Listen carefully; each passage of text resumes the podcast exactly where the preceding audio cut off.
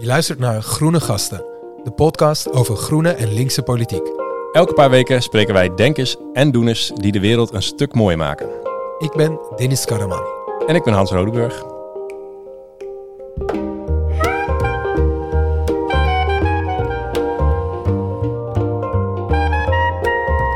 Welkom, beste luisteraars. Eh, speciale aflevering eh, deze keer. Want, eh, jullie horen het al in de intro, maar naast mij zit een, een nieuwe host, Denise. Yes. Welkom. Ja, thanks. Leuk dat ik er mag zijn.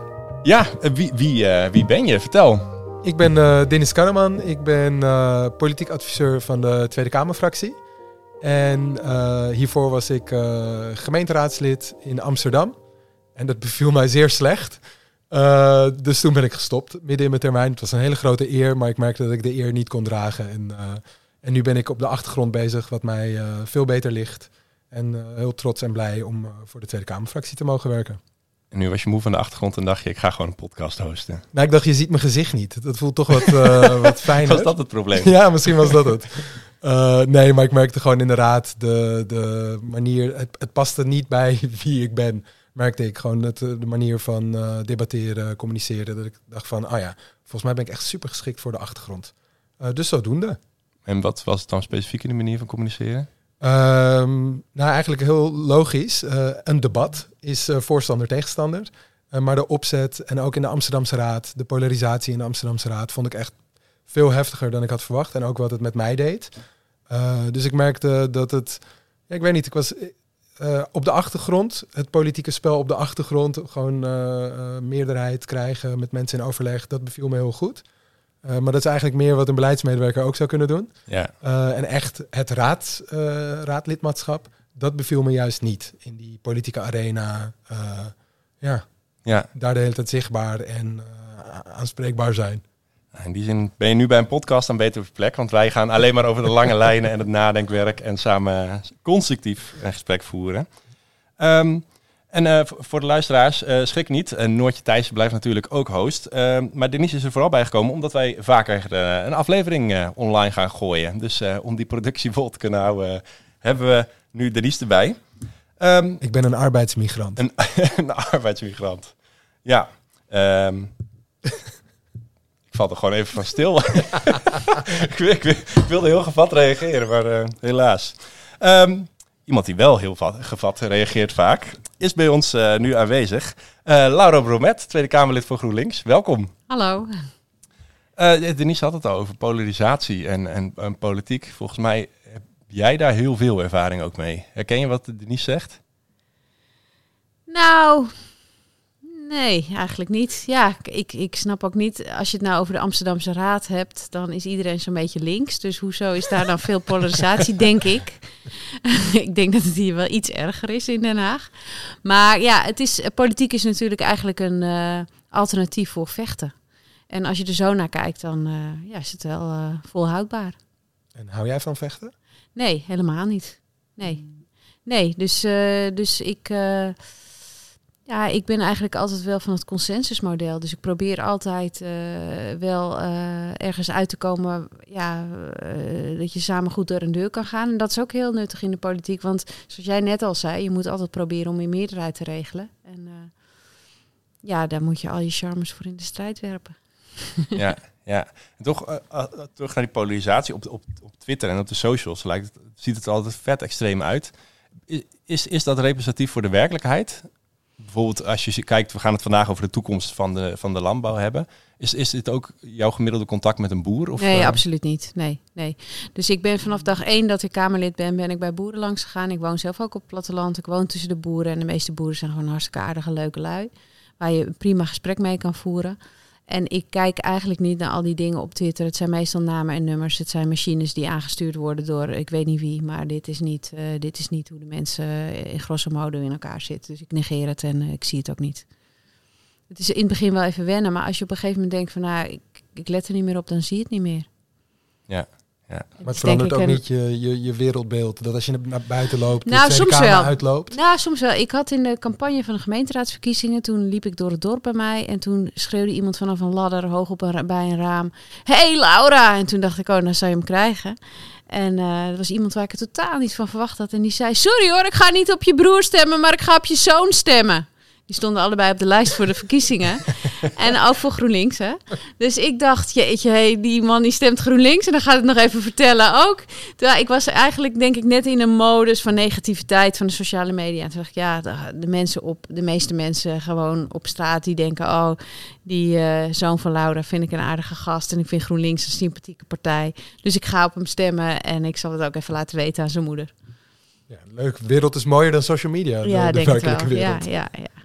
En dat is ook de reden dat jij een briefwisseling bent gestart met een boer, of niet? Ja, zeker. In, in, in Trouw ben je tegenwoordig eh, bezig om om de beurt een brief aan elkaar te schrijven. Kan je daar wat meer over vertellen? Ja, dat kwam eigenlijk door een uh, confrontatie die ik deze zomer had met twee uh, jonge gasten die uh, mij lastig vielen, boeren. En uiteindelijk heb ik op het politiebureau een gesprek gehad met deze twee mensen.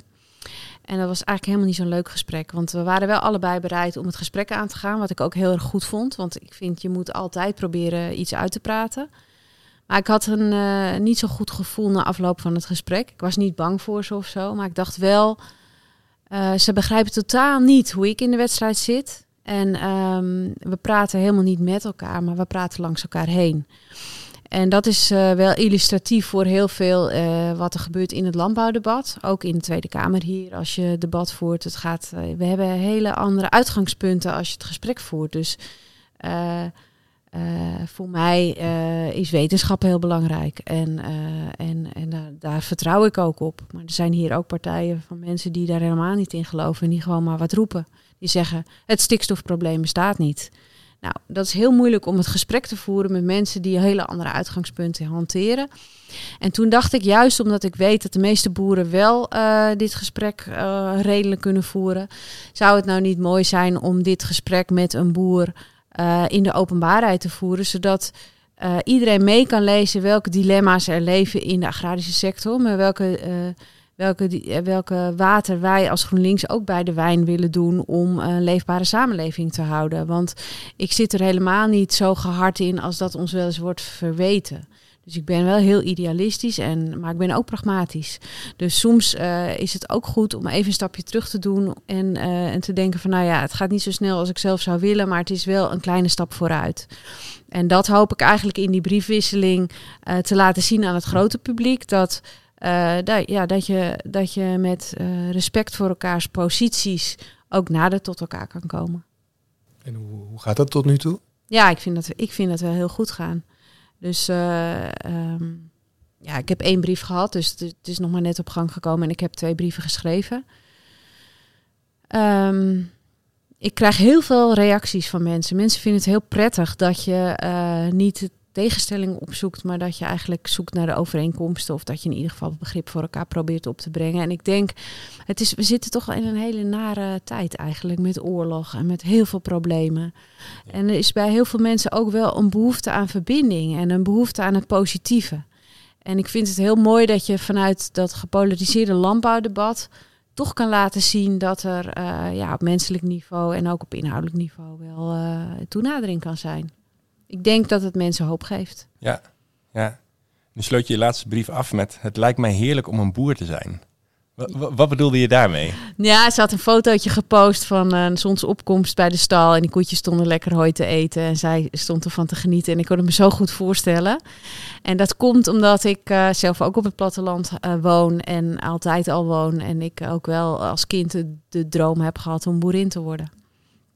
En dan zeiden mijn ouders altijd, dan moet je naar Wageningen gaan. Maar ik wilde niet, ik wilde niet weg van mijn geboortegrond. Ik dacht, Wageningen is veel te ver weg. En ik ben ook niet met een boer getrouwd, dus dan houdt het al snel op. ja. Maar ik heb wel kippen en ik heb een kat en ik heb een hond en ik heb een grote tuin. Dus ik voel me ook nog wel uh, uh, een heel klein boerinnetje. Ja, je semi-boerin. Ja. Ja. Wie weet een carrière na de politiek. Nou, denk ik wel eens aan. Ik denk wel eens als ik uit de politiek ben, dan ga ik me helemaal terugtrekken uit, uh, uit het openbare leven. En dan sluit ik me op op mijn uh, landgoedje, zou ik het zelf zeggen. Dan ga ik zelfvoorzienend leven. Dat is een stille droom. Maar ik weet niet of het heel saai wordt op een gegeven moment. Hey, laten we naar, naar het onderwerp van vandaag gaan. De toekomst van, van de Nederlandse landbouw. Um, en de bedoeling is natuurlijk om echt verder vooruit te kijken dan alleen de komende weken. Maar het is op dit moment wel echt een hot topic. Want er is net, zijn allerlei stikstofplannen uitgelekt ja. van het kabinet. Ja, en morgen komen de definitieve plannen. En ik heb een gesprek gehad met de minister deze week, omdat ze mij wilde vertellen wat zij van plan is. En ik moet eerlijk zeggen dat ik echt met open mond heb zitten luisteren. Dus ik dacht echt van, weet je, ik ben nu via Kamerlid en je zit hier echt om de kleinste prullen dingetjes zit je een gevecht te leveren. Maar toen ik haar hoorde spreken over wat er morgen allemaal in die brieven komt te staan, dan dacht ik echt, jemine, zeg, dit is ongeveer de hele GroenLinks-agenda van de afgelopen 40 jaar die morgenmiddag wordt uitgerold. Oh, dus je bent heel positief. Ja, ik ben heel positief. Ja, want voor, we kunnen wat vrijheid spreken, want volgende week wordt deze podcast pas uitgezonden. Uh, nou, trouwens, wij mogen het waarschijnlijk ook helemaal niet weten, zit ik niet te denken. Nee, maar ja, ik, uh, dat is zeker zo. Ik heb ook beloofd dat ik het niet door zal vertellen, maar het is nu een paar uur voordat die brieven verschijnen, oh. dus ik durf het wel aan. Nee. ja, ja, kijk, uh, het punt is eigenlijk dit. Um, GroenLinks weet al tientallen jaren dat er een probleem is met stikstof. GroenLinks weet al tientallen jaren dat de richting die de landbouw is ingeslagen uh, als exportland uh, niet de juiste richting is. Dat er veel te veel nadelige gevolgen aan zitten die het land ook moet dragen. En um, drie jaar geleden heeft de rechter een uitspraak gedaan over de stikstofkwestie. En heeft gezegd Nederland moet beter zorgen voor de natuur. En stikstof speelt daar gewoon een hele grote rol in. Want die stikstofproductie die plaatsvindt in Nederland via ammoniak en uitlaatgassen, die belast de natuur in Nederland veel te veel. Dat wisten wij allemaal al. Uh, dat de rechter een uitspraak deed, drieënhalf jaar geleden, voelde voor mij toen al als een moment van: uh, oh, nu gaat het eindelijk gebeuren. Nu gaat dat wat wij willen eindelijk tot uitvoer komen. Namelijk een toekomstgerichte landbouw die in harmonie met de natuur functioneert, waar boeren gelukkig zijn, uh, waar de natuur floreert. En ik moet ook wel eerlijk zeggen dat de afgelopen drieënhalf jaar dat ik heel machteloos heb zitten kijken naar hoe het kabinet dit probleem oploste. En um, nou ja, even over die brief die dan morgen verschijnt. Ik denk wel dat het bewustwordingsproces dat het kabinet heeft doorgemaakt de afgelopen drieënhalf jaar morgen beslecht wordt. En dat zij gaan doen wat moet doen en wat moet gebeuren. Ja. En dat is um, dus niet een politieke keuze van het kabinet. Dat is omdat ze met de rug tegen het muur staan en omdat ze niet anders kunnen. Dus normaal gesproken heb je in de politiek heb je idealen. Hè, en die idealen die van de ene partij komen niet overeen met de idealen van een andere partij. En dan kom je ergens in het midden uit. Of je blijft idealistisch roepen wat je vindt. In dit geval is het kabinet gewoon ja, echt letterlijk tegen alle muren opgelopen van de milieuruimte die er is in Nederland. En is er maar één oplossing. En dat is gewoon de veestapel inkrimpen, uh, de natuur herstellen, grotere natuurgebieden maken, uh, perverse prikkels eruit halen. Zoals ik nu uh, gehoord heb van de minister hoe ze het aan gaat pakken, gaat ze dat allemaal doen. En uh, ja, dat voelt wel uh, voelt op dit moment. Kijk, ik weet niet als deze podcast wordt uitgezonden wat ja, er allemaal gebeurd is. Dus het is heel gevaarlijk om nu zo enthousiast te zijn. Maar echt, ik ben heel hoopvol over wat er nu gaat gebeuren op alle terreinen. Ik denk ook dat er zeker wel weer weerstand zal ontstaan. En dan hoop ik niet dat de, plek, dat de plannen weer verwateren. Maar die druk van die rechtszaken die nog steeds uh, uh, uitgeoefend wordt door Johan Vollebroek van MOB, die blijft. Hij heeft 300 rechtszaken lopen. En uh, ja, dit moet opgelost worden. Ja, ja. Hoe voelt het voor jou om, uh, want als ik het proces zo hoor, uh, gelijk krijgen, na 3,5 jaar ook ergens machteloos zijn volgens mij. Hoe, hoe, voelt het nu? heb je dan, yes, we hebben ze niet overtuigd, maar er gaat wel gebeuren wat we willen? Of... Nou, ik kijk niet eens zozeer naar, uh, naar, naar mijzelf of naar GroenLinks. Ik, ik ben de politiek ingegaan niet voor GroenLinks of niet voor mezelf. Ik ben de politiek ingegaan omdat ik uh, een mooie Nederland wil. En ik denk als dat dan nu is, is beter later nooit. Dus uh, ja, ik vind, het, ik vind het hartstikke... Als het gaat gebeuren...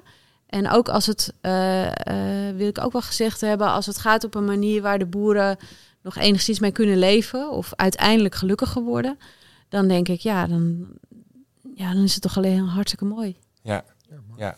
Laten we de inhoud induiken. Want je noemt het al kort van, ze lopen nu op dit moment eigenlijk tegen alle muren aan. Want het, probleem met de Nederlandse landbouwsector is echt veel breder dan stikstof. Hè. Het wordt vaak vernauwd tot stikstof. Um, kan je kort omschrijven wat voor andere grenzen er dan nog meer allemaal zijn waar, we, waar de landbouwsector op dit moment tegenaan loopt? Wat zijn die muren? Het probleem van de Nederlandse landbouw is eigenlijk, uh, denk ik, allereerst dat we een exportland zijn. Dus dat betekent dat je uh, moet concurreren met alle andere landen op de wereld. Uh, en in die andere landen is de grondprijs veel lager en is de levensstandaard lager. Dus je moet concurreren op een wereldmarkt, terwijl je hele, hele hoge kosten hebt, hele hoge kosten moet maken. En pijnlijk is eigenlijk dat, die, dat de prijs daarvan altijd bij de boeren terecht is gekomen. Dus als je kijkt naar de afgelopen tientallen jaren naar uh, het verdienvermogen van de boer en de prijs die ze voor hun producten krijgen, dan is die niet heel erg veel hoger geworden. Dus de enige manier om in een onderhoud te kunnen blijven voorzien was voor de boeren om verder schaal te vergroten. Dus waar je vroeger een bestaan op kon bouwen met 20 koeien, heb je er nu 120 nodig.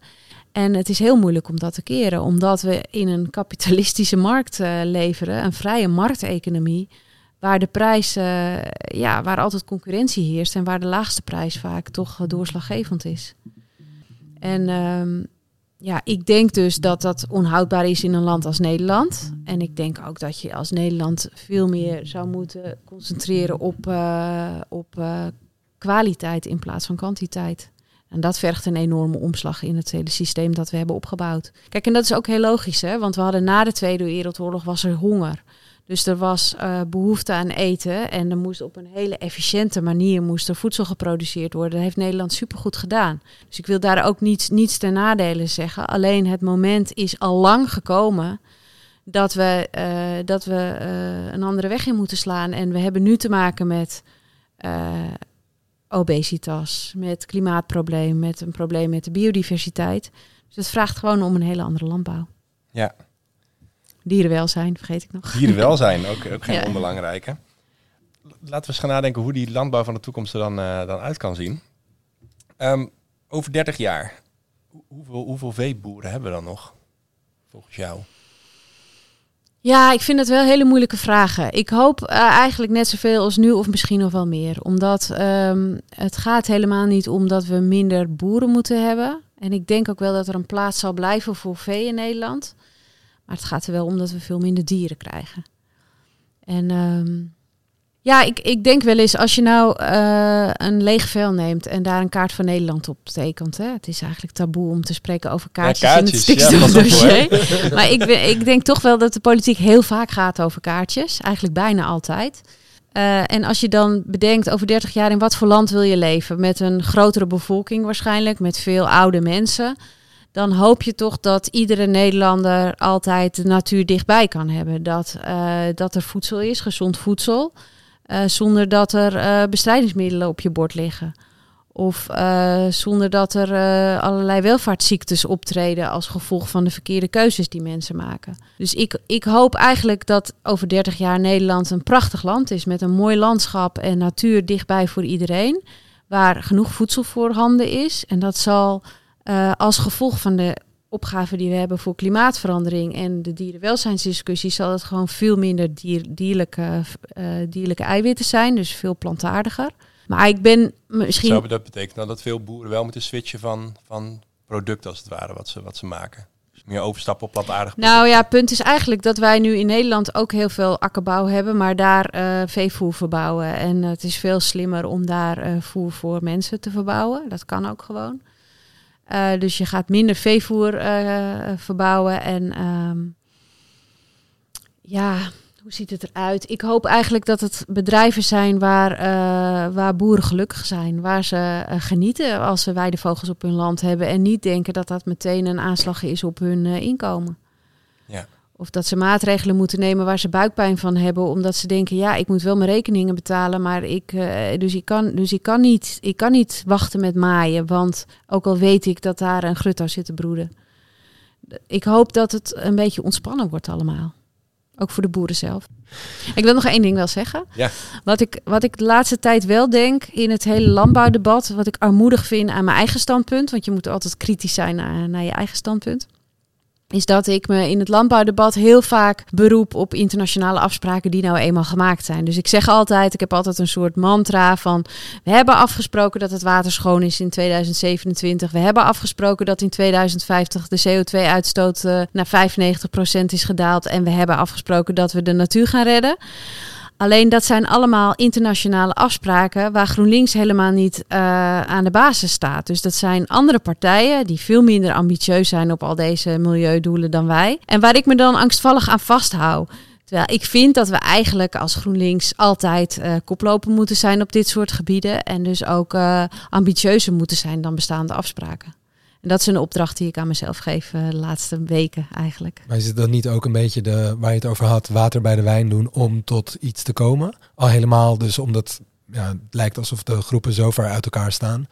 Ja, zeker. Want dat, kijk, we hebben hier te maken met een politieke werkelijkheid waar de meerderheid van de Kamer, eerlijk gezegd, elke keer die internationale afspraken probeert te ondermijnen. Dus het is ook, uh, ja, je hebt wat je hebt. En, uh, maar ik, ik, ik vind zelf dat je qua visie, jij vraagt ook van hoe moet de landbouw er over 30 jaar uitzien. Ik vind dat we daar nog een veel uitgebreider antwoord op nodig hebben dan dat we nu hebben.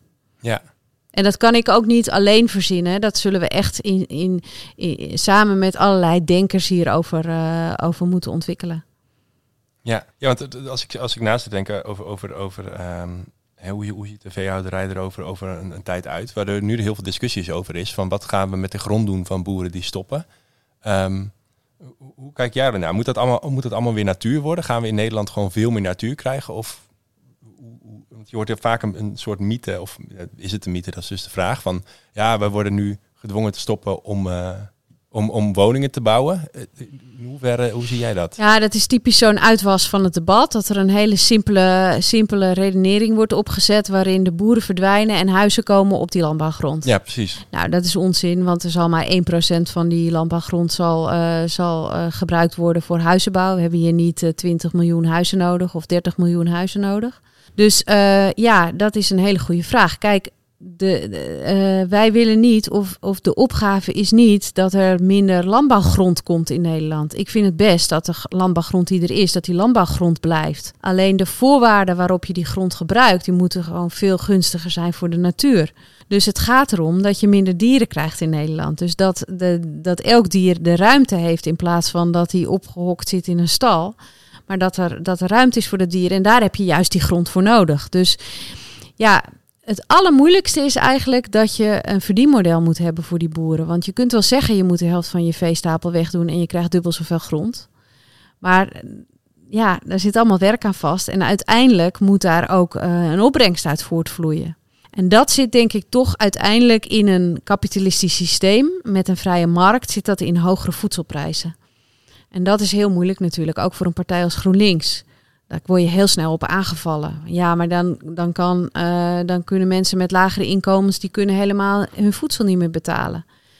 En dan zeg ik altijd, ja, en daarom zit ik bij een linkse partij. Want we doen de herverdeling, waar wij voor strijden, doen wij niet via het bord.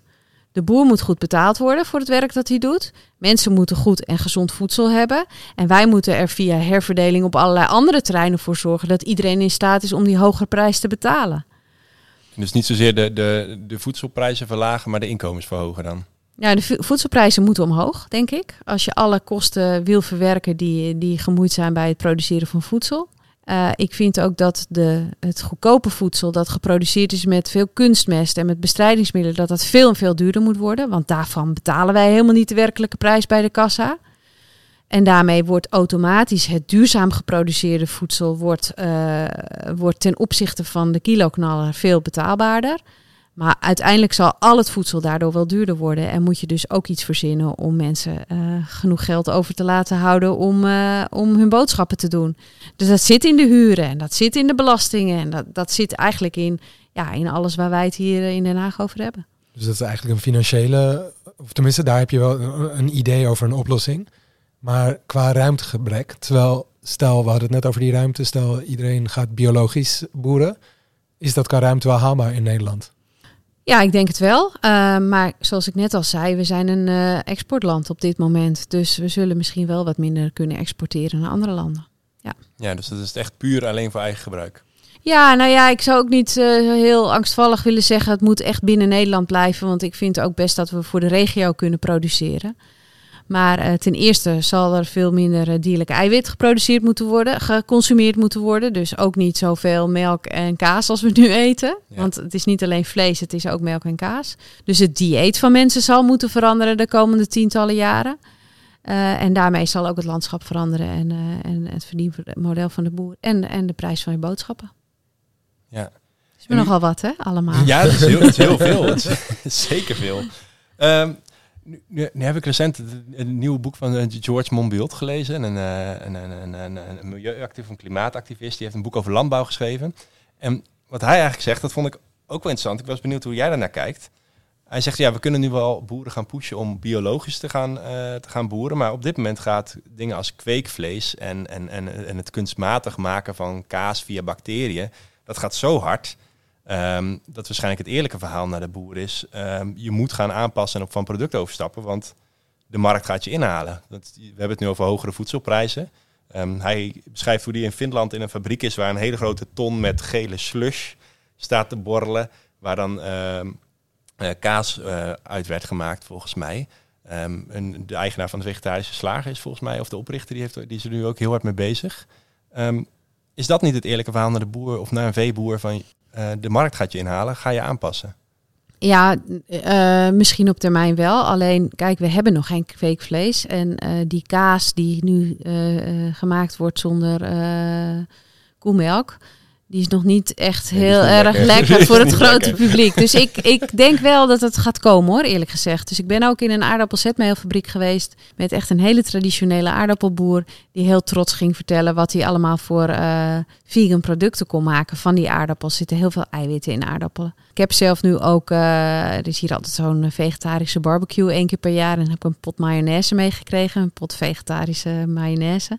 Super lekker. helemaal niks, helemaal niks mis mee. Dus ik, en als je dat vergelijkt met tien jaar geleden of twintig jaar geleden, dan is die ontwikkeling al heel groot geweest. Um, dus ja, ik denk dat, uh, dat een heel groot deel van de veehouderij uiteindelijk zal verdwijnen. Ook uh, in, het, in de ontwikkeling die ons denken zal doormaken over het eten van, van andere wezens. Um, maar dingen gaan wel altijd langzamer dan je zou willen. Dus ik denk niet dat je een boer die nu nog tien jaar moet boeren. Uh, lastig moet vallen met uh, komen, komt straks kweekvlees. Dus stop er maar mee. Want over tien jaar is dat er misschien. Maar dat is net het moment die er toch al mee ophield. Dus ja, misschien ben ik daar niet uh, al te radicaal in. Maar ik denk altijd moet zoveel veranderen. En, je noemde het net al kort, het, het dierenrechtenperspectief. Nu zal een, een, vooral een deel van de aanhang van GroenLinks ook denken... ja, maar de veehouderij is überhaupt geen, geen sector waar, we achter staan... vanuit dierenrechtenperspectief. Um, hoe, hoe, hoe kijk je daarnaar? Uh, ja, nou kijk, ik, uh, ik heb daar zelf in mijn denken ook wel een ontwikkeling in doorgemaakt. Want ik ben uh, als middelbare scholier was ik slagersmeisje. Dus ik stond gewoon met mijn handen de hele dag in dode dieren. Ik heb ook op slagerij gewerkt. Ja, ja. Dus, dat is best wel heftig eigenlijk. Ik vond het ook helemaal nooit lekker. toch? ja, ja, nou ja, ik eet nog steeds wel eens af en toe een stukje vlees. Wel veel minder. Maar um, nou ja, illustratief misschien daarvoor mijn twee buren. Ik, heb, ik woon naast een uh, biologisch melkveebedrijf. Hartstikke leuke jonge boer. Net het bedrijf overgenomen. Die koeien staan heerlijk in de wei. En hij heeft zo'n automaat bij de weg waar je kaas en melk kan halen. Nou, echt een, een, een droom eigenlijk. Maar als ik die melk haal uit die automaat, dan zie ik wel dat kalfje staan wat uh, bij de moeder is weggehaald. En dat vind ik echt een dramatisch, uh, dramatisch gezicht.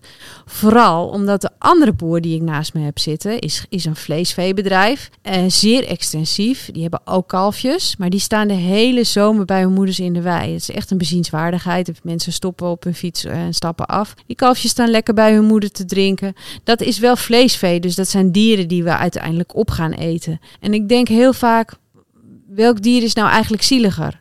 Dat dier uh, wat zijn kind verliest na een dag? Of dat kalfje dat bij zijn moeder wordt weggehaald? Allemaal om onze pannenkoeken met koemelk te kunnen bakken?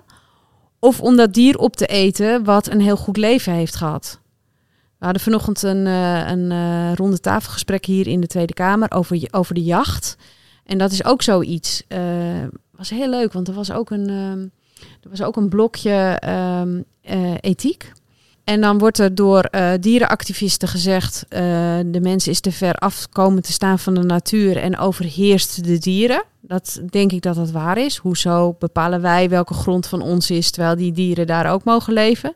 Aan de andere kant, um, je moet ook niet naïef zijn over hoe, uh, hoe het eraan toe gaat in de natuur. Het is ook eten of gegeten worden. En als je dus zegt van de mens is ook onderdeel van die natuur, dan is het uh, wel te beredeneren waarom de mens ervoor kiest uiteindelijk om die dieren niet op te eten. Maar het is ook te begrijpen waarom mensen wel van vlees eten, omdat dat gewoon ook in de natuur van de mens zit. En ja, ik, ik, wil daar, uh, ik wil daar genuanceerd over zijn. Ik wil daar niet uh, moralistisch verheven over oordelen. Um, ik denk wel dat een heleboel mensen die ontwikkeling doormaken. En dat ik, ja, ik geniet helemaal niet meer zo van vlees. Ik koop nooit meer vlees in de supermarkt. Ik vind het er niet uitzien. Dus daar begint het al. Dus vroeger zat ik met mijn handen in het vlees en verkocht ik het de hele dag. Daarna heb ik het nog jaren gekocht in de winkel. Nu koop ik het niet meer in de winkel. Af en toe als ik in een restaurant ben en ik ruik een biefstuk, dan denk ik wel, oh lekker, ik neem een biefstukje. Dat ziet er ook al niet meer uit als een dier, hè? Dus dat gaat steeds verder weg. En uh, ja, ik, ik moet ook een beetje, ik, ik moet mezelf ook een beetje, uh, vind ik, uh, opjutten om gewoon helemaal mee te stoppen. Dus dat, dat gaat wel, er gaan nu echt maanden voorbij dat ik geen vlees eet, maar af en toe dan zwicht ik toch. Ja, dat is ook lekker. Ik heb ook, ik heb ook de guilty pleasure om één keer in de zoveel maanden toch gewoon echt een dure deunen te halen. Ik ben helemaal vegan, bijna vegan, maar één keer in de zoveel tijd een deunen. Dat kan ik gewoon... Ik ja, voel me opeens uh, als vegetariër voel ik me hier al... Uh, maar ben je al lang vegetariër of niet? Uh, ja, nu vijf jaar volgens mij. Of lang, vijf jaar. Ja. ja. Ik ben en... dus ook vegetariër, maar het is gewoon één keer in de zoveel, zoveel maanden gewoon een keer. Heb je nooit meer behoefte gehad aan vlees? Nee. Nee. Echt helemaal niet ook. Nee, nee, nee, nee, nee. Maar ik denk dat het komt, dat bewustzijn, ik, wat jij ook noemt.